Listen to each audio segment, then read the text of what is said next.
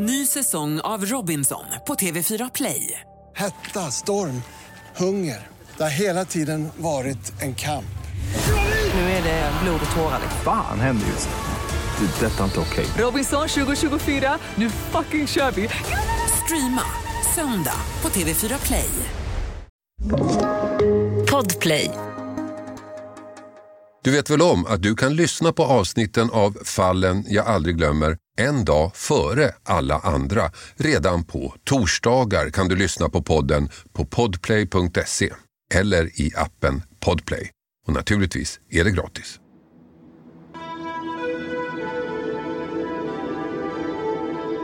Det skulle ju kunna vara det perfekta brottet om man ser ifrån att vi eller Missing People eller allmänhet hade anträffat målsäganden hängd i skogen och vi hade ingen annan information om det än att han har försvunnit och han anträffas hängandes i skogen. Jag är rätt säker på att jag aldrig mer som polis kommer vara med om ett liknande ärende. Väldigt annorlunda ärende. Om du döms till livstid för det här, då ska jag ta över och ta hämnd. Och sen slogs jag av att det var otroligt mycket våld. Vi fick ju en bild av en människa som förvandlades till en fullblodig rättshaverist. Nu är man ju ändå van som polis, men det är ju långt ifrån alltid att man blir hotad på det där sättet. Fallen jag aldrig glömmer. Podden som inte handlar om förövarna, som inte handlar om brottsoffer, utan som handlar om de som gjorde sitt jobb och löste brotten. Min våldtäktsman är död.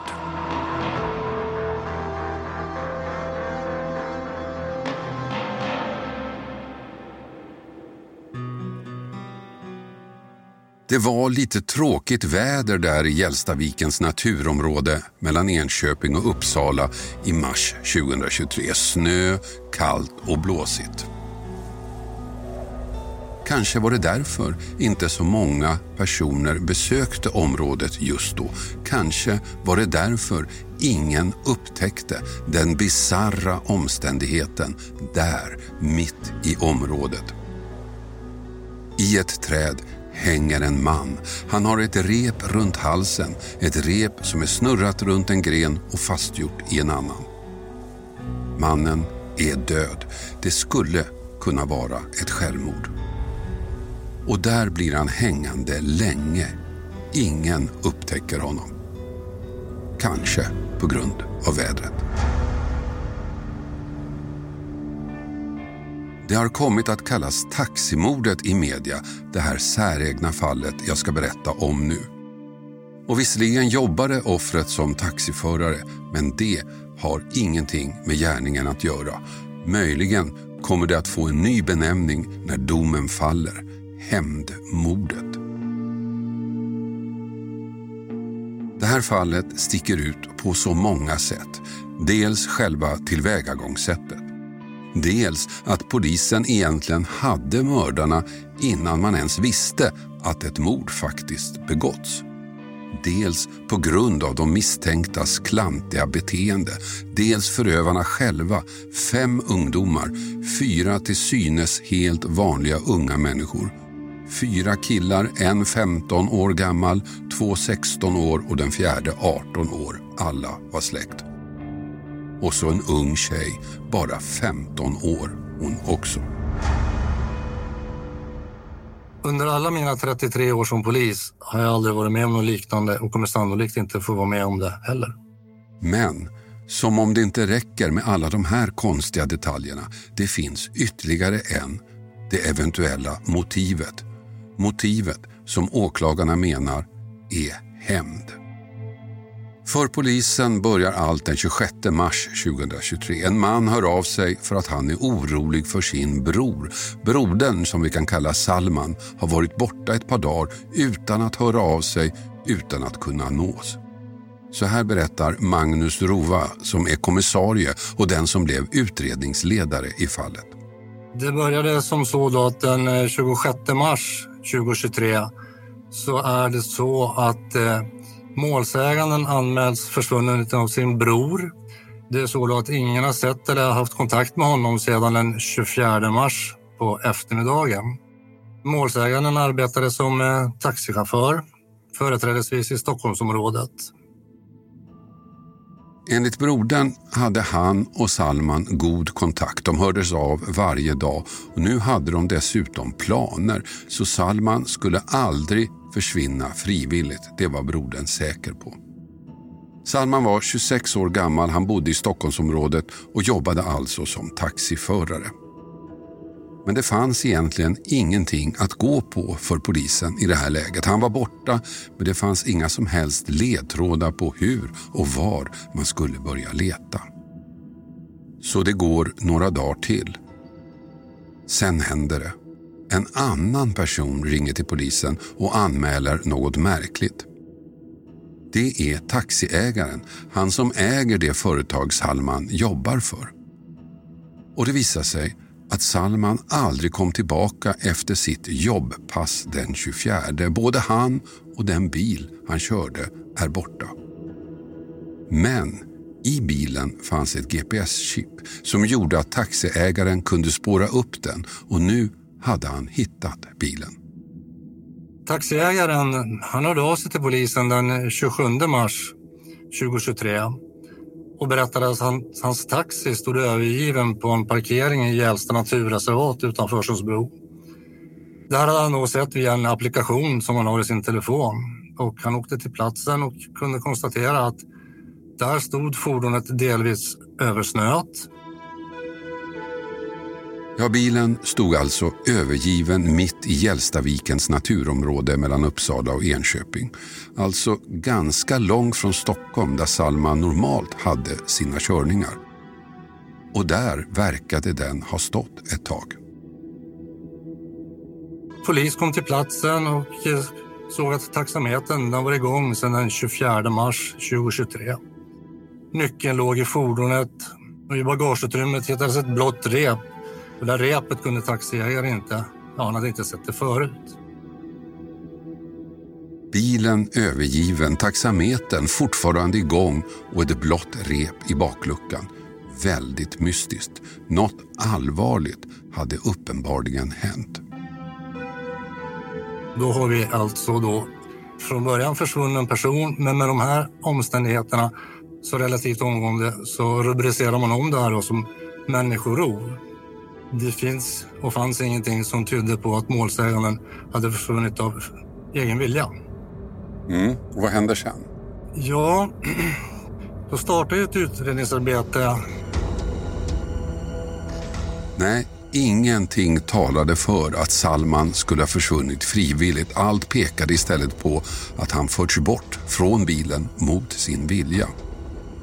Så brottsrubriceringen blir människorov. Och det är nu det blir lite märkligt. Det är nu utredarna lyckas få fram misstänkta personer, misstänkta för att ha begått brott.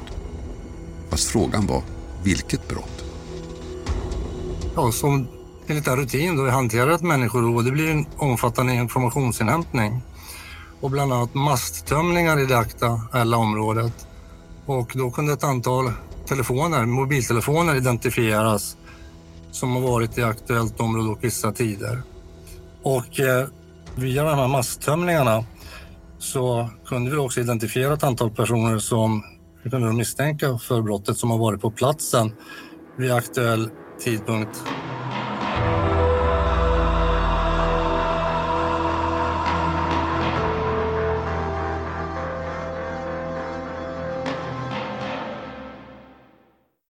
Den här veckan har vi ett betalt samarbete med Hello Fresh. Världens ledande leverantör av matkassar hem till dig. Kassar som ger dig en enklare vardag och massa matglädje på det. Nu kan du som lyssnar få extra bra pris. Med koden FRESHFALLEN kan du få upp till 1359 kronors rabatt. Jag har testat flera matkassar och det är två saker som jag tycker gör Hello Fresh extra bra. Dels förstås att jag slipper planera mat varje dag. Menyerna finns redan där.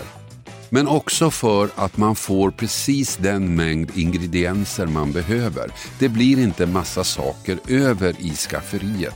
Inget matsvinn, inga bortslösade pengar. Och sen får man ju matglädje förstås, koll på budgeten och enklare vardag. Och också möjligheten att testa nya smaker med recept från hela världen. Allt är väldigt enkelt att laga, instruktionerna är glasklara. Så vill du få en enklare vardag, minska matsvinnet och testa nya spännande smaker. Gå in då på hellofresh.se och använd koden FRESHFALLEN. Den ger dig upp till 1359 kronors rabatt på dina fem första kassar. Plus fri frakt på första matkassen om du inte provat HelloFresh förut. Har du varit kund tidigare kan du också använda koden om du avslutat ditt abonnemang för 12 månader sedan eller längre. Tack HelloFresh! Den här veckan har vi ett betalt samarbete med Tre, ni vet teleoperatören. Den jag själv har faktiskt och är väldigt nöjd med. Men det är många som tror att Tre inte har särskilt hög täckningsgrad, vilket är fel. Och så är det ju faktiskt med mycket vi tror oss veta, att det vi tror är sant kan vara falskt och det vi tror är falskt kan visa sig vara sant. Jag hade faktiskt ett telefonsamtal med en kompis för inte så länge sedan, via tre då förstås, och vi snackade om myter. Och jag tycker mig ha koll på sånt, vad som är sant och vad som är falskt. Men det är inte alltid så lätt. Till exempel berättade min kompis, ni vet om myten att svalor flyger lägre när det ska bli dåligt väder. Falskt sa jag, men det visade sig vara helt sant. Och så det här att man, om man duschar varmt på sommaren så blir man svalare. Det trodde jag inte heller på, men det visade sig också vara sant. Så det blev lite en aha-upplevelse för mig. Men så pratar vi om vår gemensamma operatör. Ja, de har ju väldigt bra täckning, sa han. Och där visste jag att han har rätt. Han visste att tre har byggt ut och nu har väldigt stor täckning. Men det är inte alla som vet. Och ibland är det inte riktigt som man tror. Sanningen är att tre nu täcker otroliga 99,3 procent av Sveriges befolkning och det avser rösttäckning baserat på folkbokföringsadress. Så läs mer på 3.se om hur de bygger ut sitt nät och täckning. Tack 3. Ny säsong av Robinson på TV4 Play. Hetta, storm, hunger. Det har hela tiden varit en kamp. Nu är det blod och tårar. Fan händer just det. Det är detta inte okej. Robinson 2024, nu fucking kör vi! Streama söndag på TV4 Play. Är det dags för ett nytt kök, badrum, nya garderober eller nya vitvaror? Låt oss på HTH Köksstudio hjälpa er. Med erfaren personal och brett sortiment guidar vi er hela vägen till färdigt resultat. Dela upp er betalning räntefritt upp till 36 månader. HTH Kök, det kallar vi kökskärlek som håller. Poddtips från Podplay. I podden Något Kaiko garanterar östgötarna Brutti och jag, Davva, dig en stor dos skratt. Där följer jag pladask för köttätandet igen. Man är lite som en jävla vampyr. Man har fått lite blodsmak och då måste man ha mer. Udda spaningar, fängslande anekdoter och en och annan arg rant. Jag måste ha mitt kaffe på morgonen för annars är jag ingen trevlig människa. Då är du ingen trevlig människa, punkt. Något Kaiko, hör du på Podplay. Därför är Alltså, ett antal misstänkta men ännu inget brott. Visserligen är polisen övertygad om att någonting har hänt, något kriminellt. Frågan är vad. Klart är att fem personer har varit på platsen den 24 mars, alltså då taxibilen kommit dit. Fem mycket unga personer ska det visa sig. Det är en flicka och det är fyra pojkar. Eh, De här fyra pojkarna de är då bröder då de har samma pappa. Så det är som två brödrapar och så blir de halvbröder. Och det är inte bara att de fem fanns på plats vid tiden för försvinnandet som väcker polisens misstankar. Det finns mer. Efter en tids utredning så kunde vi även konstatera att det swishades pengar från målsägarens konto till andra personer som vi då blev självklart intresserade av. Och allt det här fick ni fram redan innan ni visste egentligen vad som hade hänt eh, med målsäganden själv? Ja, då hade vi inte kontroll på målsäganden. Det hade alltså swishats pengar från Salmans konto. Pengar som gick till flera personer faktiskt. Det swishas framförallt till en av de huvudmisstänkta som det här sker i flera olika led egentligen. Man använder sig också av kamrater för att ta ut pengar från målsägandens konto. Mm. mycket pengar rör det sig Det är inga stora summor direkt så alltså, utan det är vid något tillfälle 4 000 och sen är det något tillfälle 2 900. Om jag inte missminner mig helt så kanske vi pratar totalt sett om 10 000.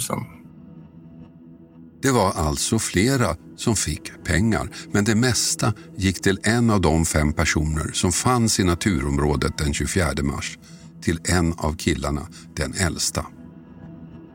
Så nu börjar span på de fem, telefonavlyssning och annat. Men fortfarande är frågan, vad har hänt Salman? Den frågan fick ett svar åtta dagar efter försvinnandet. Det är först den 1 april 2023 då som eh, en specialsökund med sin hundförare då hittar målsäganden hängandes i ett träd cirka 500 meter från den plats där bilen hittades. Och det är en detalj som väcker utredarnas uppmärksamhet redan från början. Och han var då hängd med ett blått rep identiskt med det rep som anträffades i bilen. Det blå repet som Salman var hängd med var alltså identiskt med det rep som hade hittats i bakluckan på hans bil. Allt talade för att det var samma rep. Men det var en detalj till som stärkte teorin om att Salman skulle blivit mördad. Målsäganden hängde ju som sagt var ett blått rep i ett träd. Hundföraren till aktuell specialsökund reflekterade också på det sätt kroppen hängde och de knutar som var gjorda. Och eh, det i kombination med givetvis de här transaktionerna på Swish så misstänkte vi då att det var ett mord och i och med att kroppen anträffades så från människorov så övergick det till en förundersökning på avser mord. Det är alltså ett mord, det är utredarna övertygade om.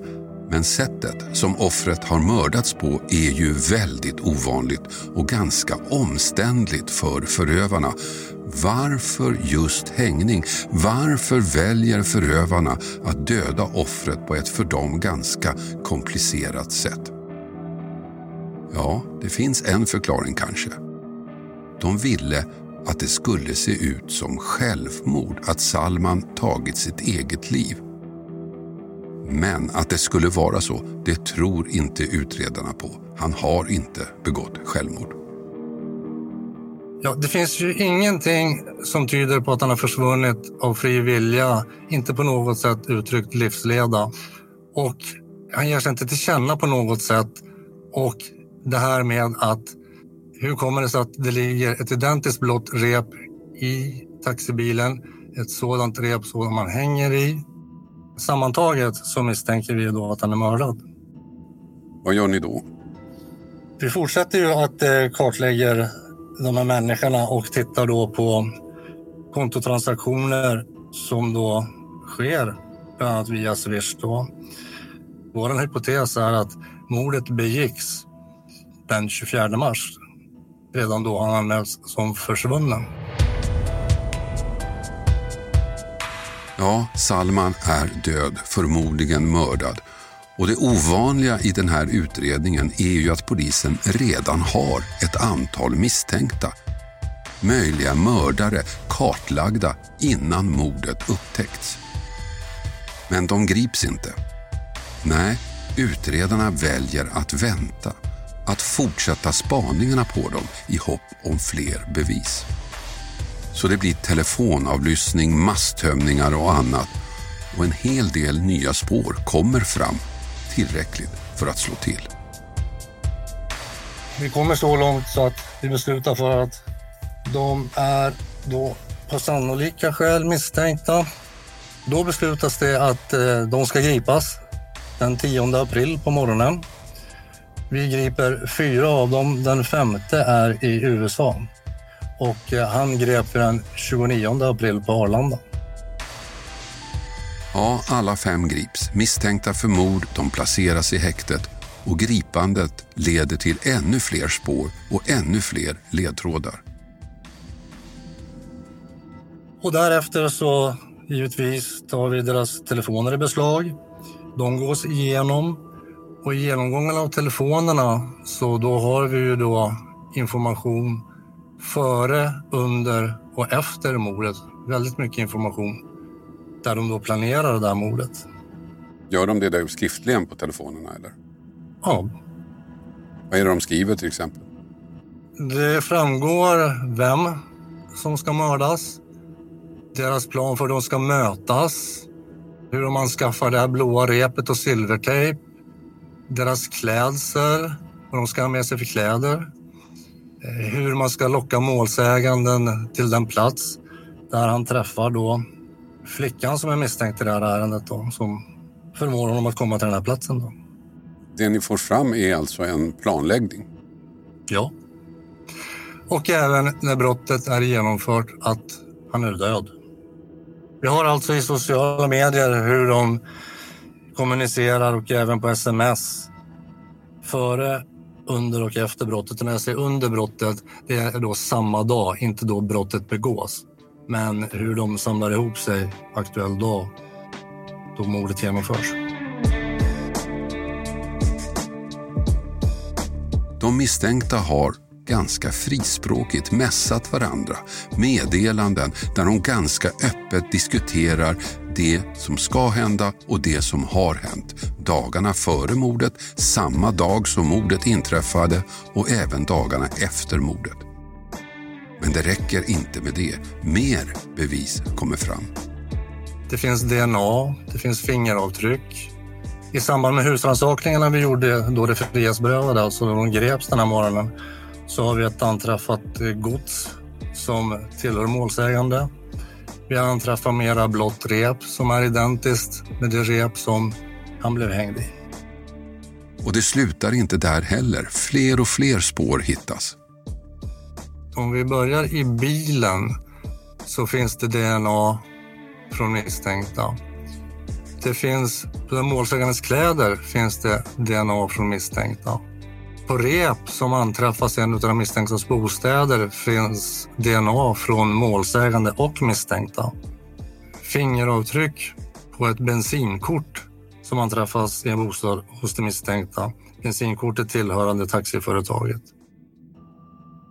Men när förhören börjar så nekar fyra av dem till allt, nämligen killarna. De har visserligen varit på platsen, det stämmer, men det är allt. De har inte gjort något brottsligt överhuvudtaget. De har verkligen inte mördat någon, säger de. Det är mängder av, eh, utifrån mina ögon sett som polis, dåliga förklaringar till den bevisning som vi har ställt gentemot dem.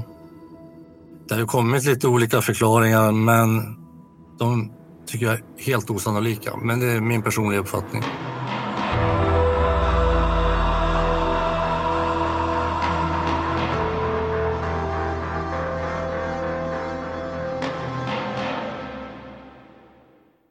Ny säsong av Robinson på TV4 Play. Hetta, storm, hunger. Det har hela tiden varit en kamp. Nu är det blod och tårar. Fan händer just nu. Det. är Detta är inte okej. Robinson 2024, nu fucking kör vi! Streama söndag på TV4 Play. Poddtips från Podplay. I podden Något Kaiko garanterar östgötarna Brutti och jag, Davva, dig en stor dos skratt.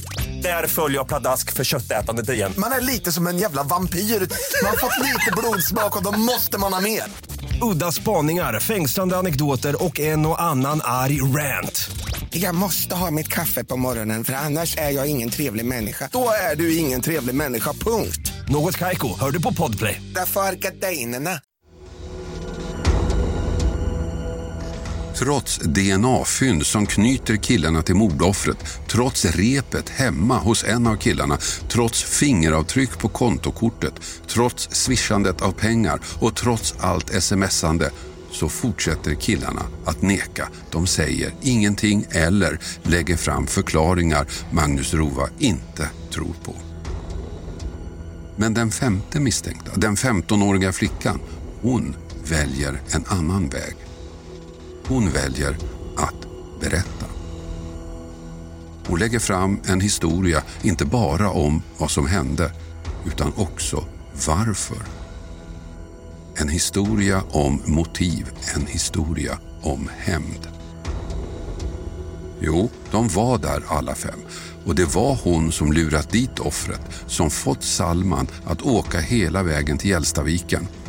Och när han kommer dit väntar inte bara flickan på honom, utan också de fyra bröderna. Så här säger Magnus Rova. Det är att eh, hon då har lockat målsägarna till den här aktuella platsen och att de fyra bröderna har gömt sig i anslutning till där bilen parkerades. Och eh, hon går och sätter sig med målsägande i taxibilen en stund. Sen så sliter de upp dörrarna, drar ut honom och eh, hon går därifrån platsen med en av de misstänkta bröderna. Eh, hon hade en typ av relation med honom sedan en kort tid tillbaka. Så hon vet inte. Det fanns en plan, säger hon. Att hon skulle locka dit Salman och att de fyra bröderna skulle misshandla honom. Men vad som egentligen hände, det säger hon att hon inte vet. Hon åkte från platsen. Och anledningen till alltihopa skulle vara hämnd. För Salman skulle ha våldtagit henne. Så hela händelsen var en vedergällning för det hon råkat ut för. Bröderna gjorde det här för hennes skull. Målsäganden och den misstänkta flickan, ja, de har ju träffats vid ett par tillfällen tidigare. De har kommit i kontakt med via sociala medier. Vi vet att det har swishats pengar mellan den misstänkta flickan och eh, målsäganden och eh, så har de druckit alkohol vid ett par tillfällen tillsammans. Men hon har också anmält honom eh, för våldtäkt? Hon har anmält honom för en våldtäkt och eh, det är så då att i februari 2023 så anmäler flickan en våldtäkt som ska ha hänt sommaren 2022. Ja, tjejen visste alltså om vem Salman var. Året innan hade hon kommit i kontakt med honom på sociala medier och träffat honom vid ett par tillfällen. Och så, sommaren 2022, skulle han alltså ha våldtagit henne. Hon blir redlöst berusad och vaknar naken i hans bil. En händelse som hon berättar om för sina väninnor. En händelse hon burit med sig i månader.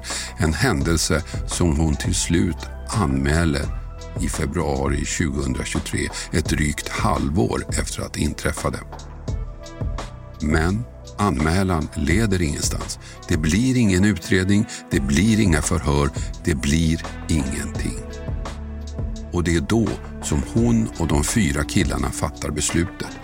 De ska ta saken i egna händer. De ska hämnas.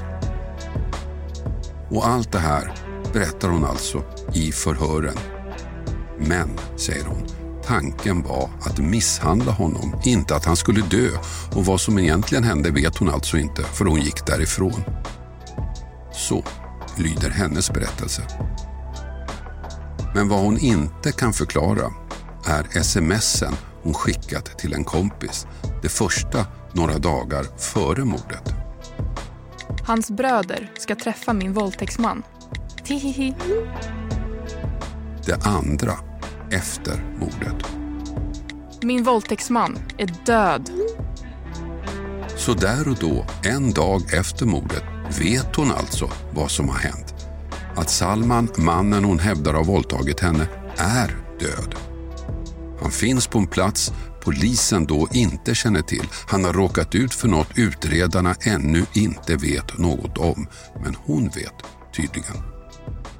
Och när polisen konfronterar de fyra killarna med tjejens uppgifter fortsätter de att neka. Ingen av dem ens har uppger att de ens har träffat målsäganden så har vi svårt att komma vidare i förhör. Anledningen till att de var i Gällstaviken aktuell då, det var då att de övriga bröderna ville lära känna flickan bättre då en av bröderna i brödraskaran hade ett förhållande med henne. Så det var anledningen till att de var där. I slutet av september är utredningen klar, åtal väcks och den 3 oktober börjar så rättegången. Och det är en lång beviskedja som läggs fram. Plus att över 70 vittnen ska höras. Magnus Rova menar att bevisen är tunga. Jag har aldrig varit med om så mycket bevisning, teknisk bevisning. Med all den information som vi har före, under och efter brottet samt alla fynd vi har gjort i samband med husrannsakningar och fingeravtryck och DNA så finns det för min del, jag, jag funderar inte ens i de tankarna att det är ett självmord. Självklart så ska det utredas. Hypotesen är att mordet skulle se ut som ett självmord, att offret skulle ha tagit sitt eget liv. En plan som sprack direkt när pengar plötsligt började swishas och sen kom den ena klantigheten efter den andra. Men det kunde ha varit annorlunda. Det kunde kanske ha lyckats. Det skulle ju kunna vara det perfekta brottet om man ser ifrån att vi eller Missing People eller allmänhet hade anträffat målsäganden hängd i skogen och vi hade ingen annan information om det än att han har försvunnit och han anträffas hängandes i skogen. Eh, rättsläkarna, för deras del också, en hängning. Men trots alla bevis, swishande, fingeravtryck, DNA, masttömning, ett visst erkännande från tjejen, alla vittnen, så återstår en fråga. En avgörande fråga. Om det nu är ett mord, vem är då mördaren? Vem av alla de som var där mördade Salman? Var de inblandade allihopa? Var de två eller var det bara en som utförde själva mordet? Det är den komplicerade frågan Uppsala tingsrätt måste svara på. För utredningsledaren Magnus Rova så har den här händelsen etsat sig fast. Jag är rätt säker på att jag aldrig mer som polis kommer vara med om ett liknande ärende. Jag har över 30 års tjänst som polis. Och eh, den är unik den här utredningen av flera olika anledningar. Vi kan börja med sammansättningen av de misstänkta gärningsmännen.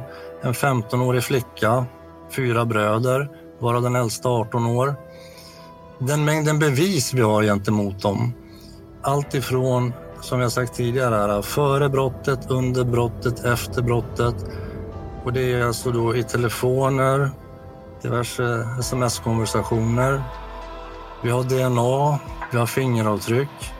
I samband med husrannsakningarna så anträffar vi gods från målsäganden. Vi anträffar mera rep som vi bedömer då är delar av det rep som användes vid mordet. Väldigt annorlunda ärende.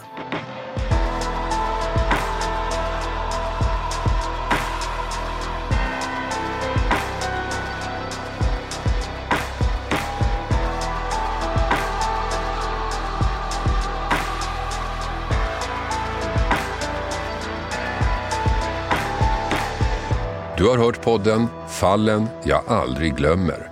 Klippning David Davva Persson. Och jag heter Hasse Aro.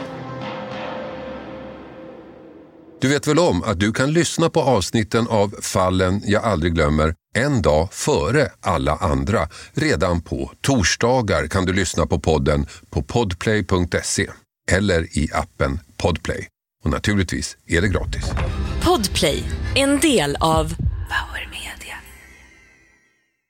Ny säsong av Robinson på TV4 Play. Hetta, storm, hunger. Det har hela tiden varit en kamp. Nu är det blod och tårar. Fan händer just nu. Det. är Detta är inte okej. Robinson 2024, nu fucking kör vi! Streama söndag på TV4 Play.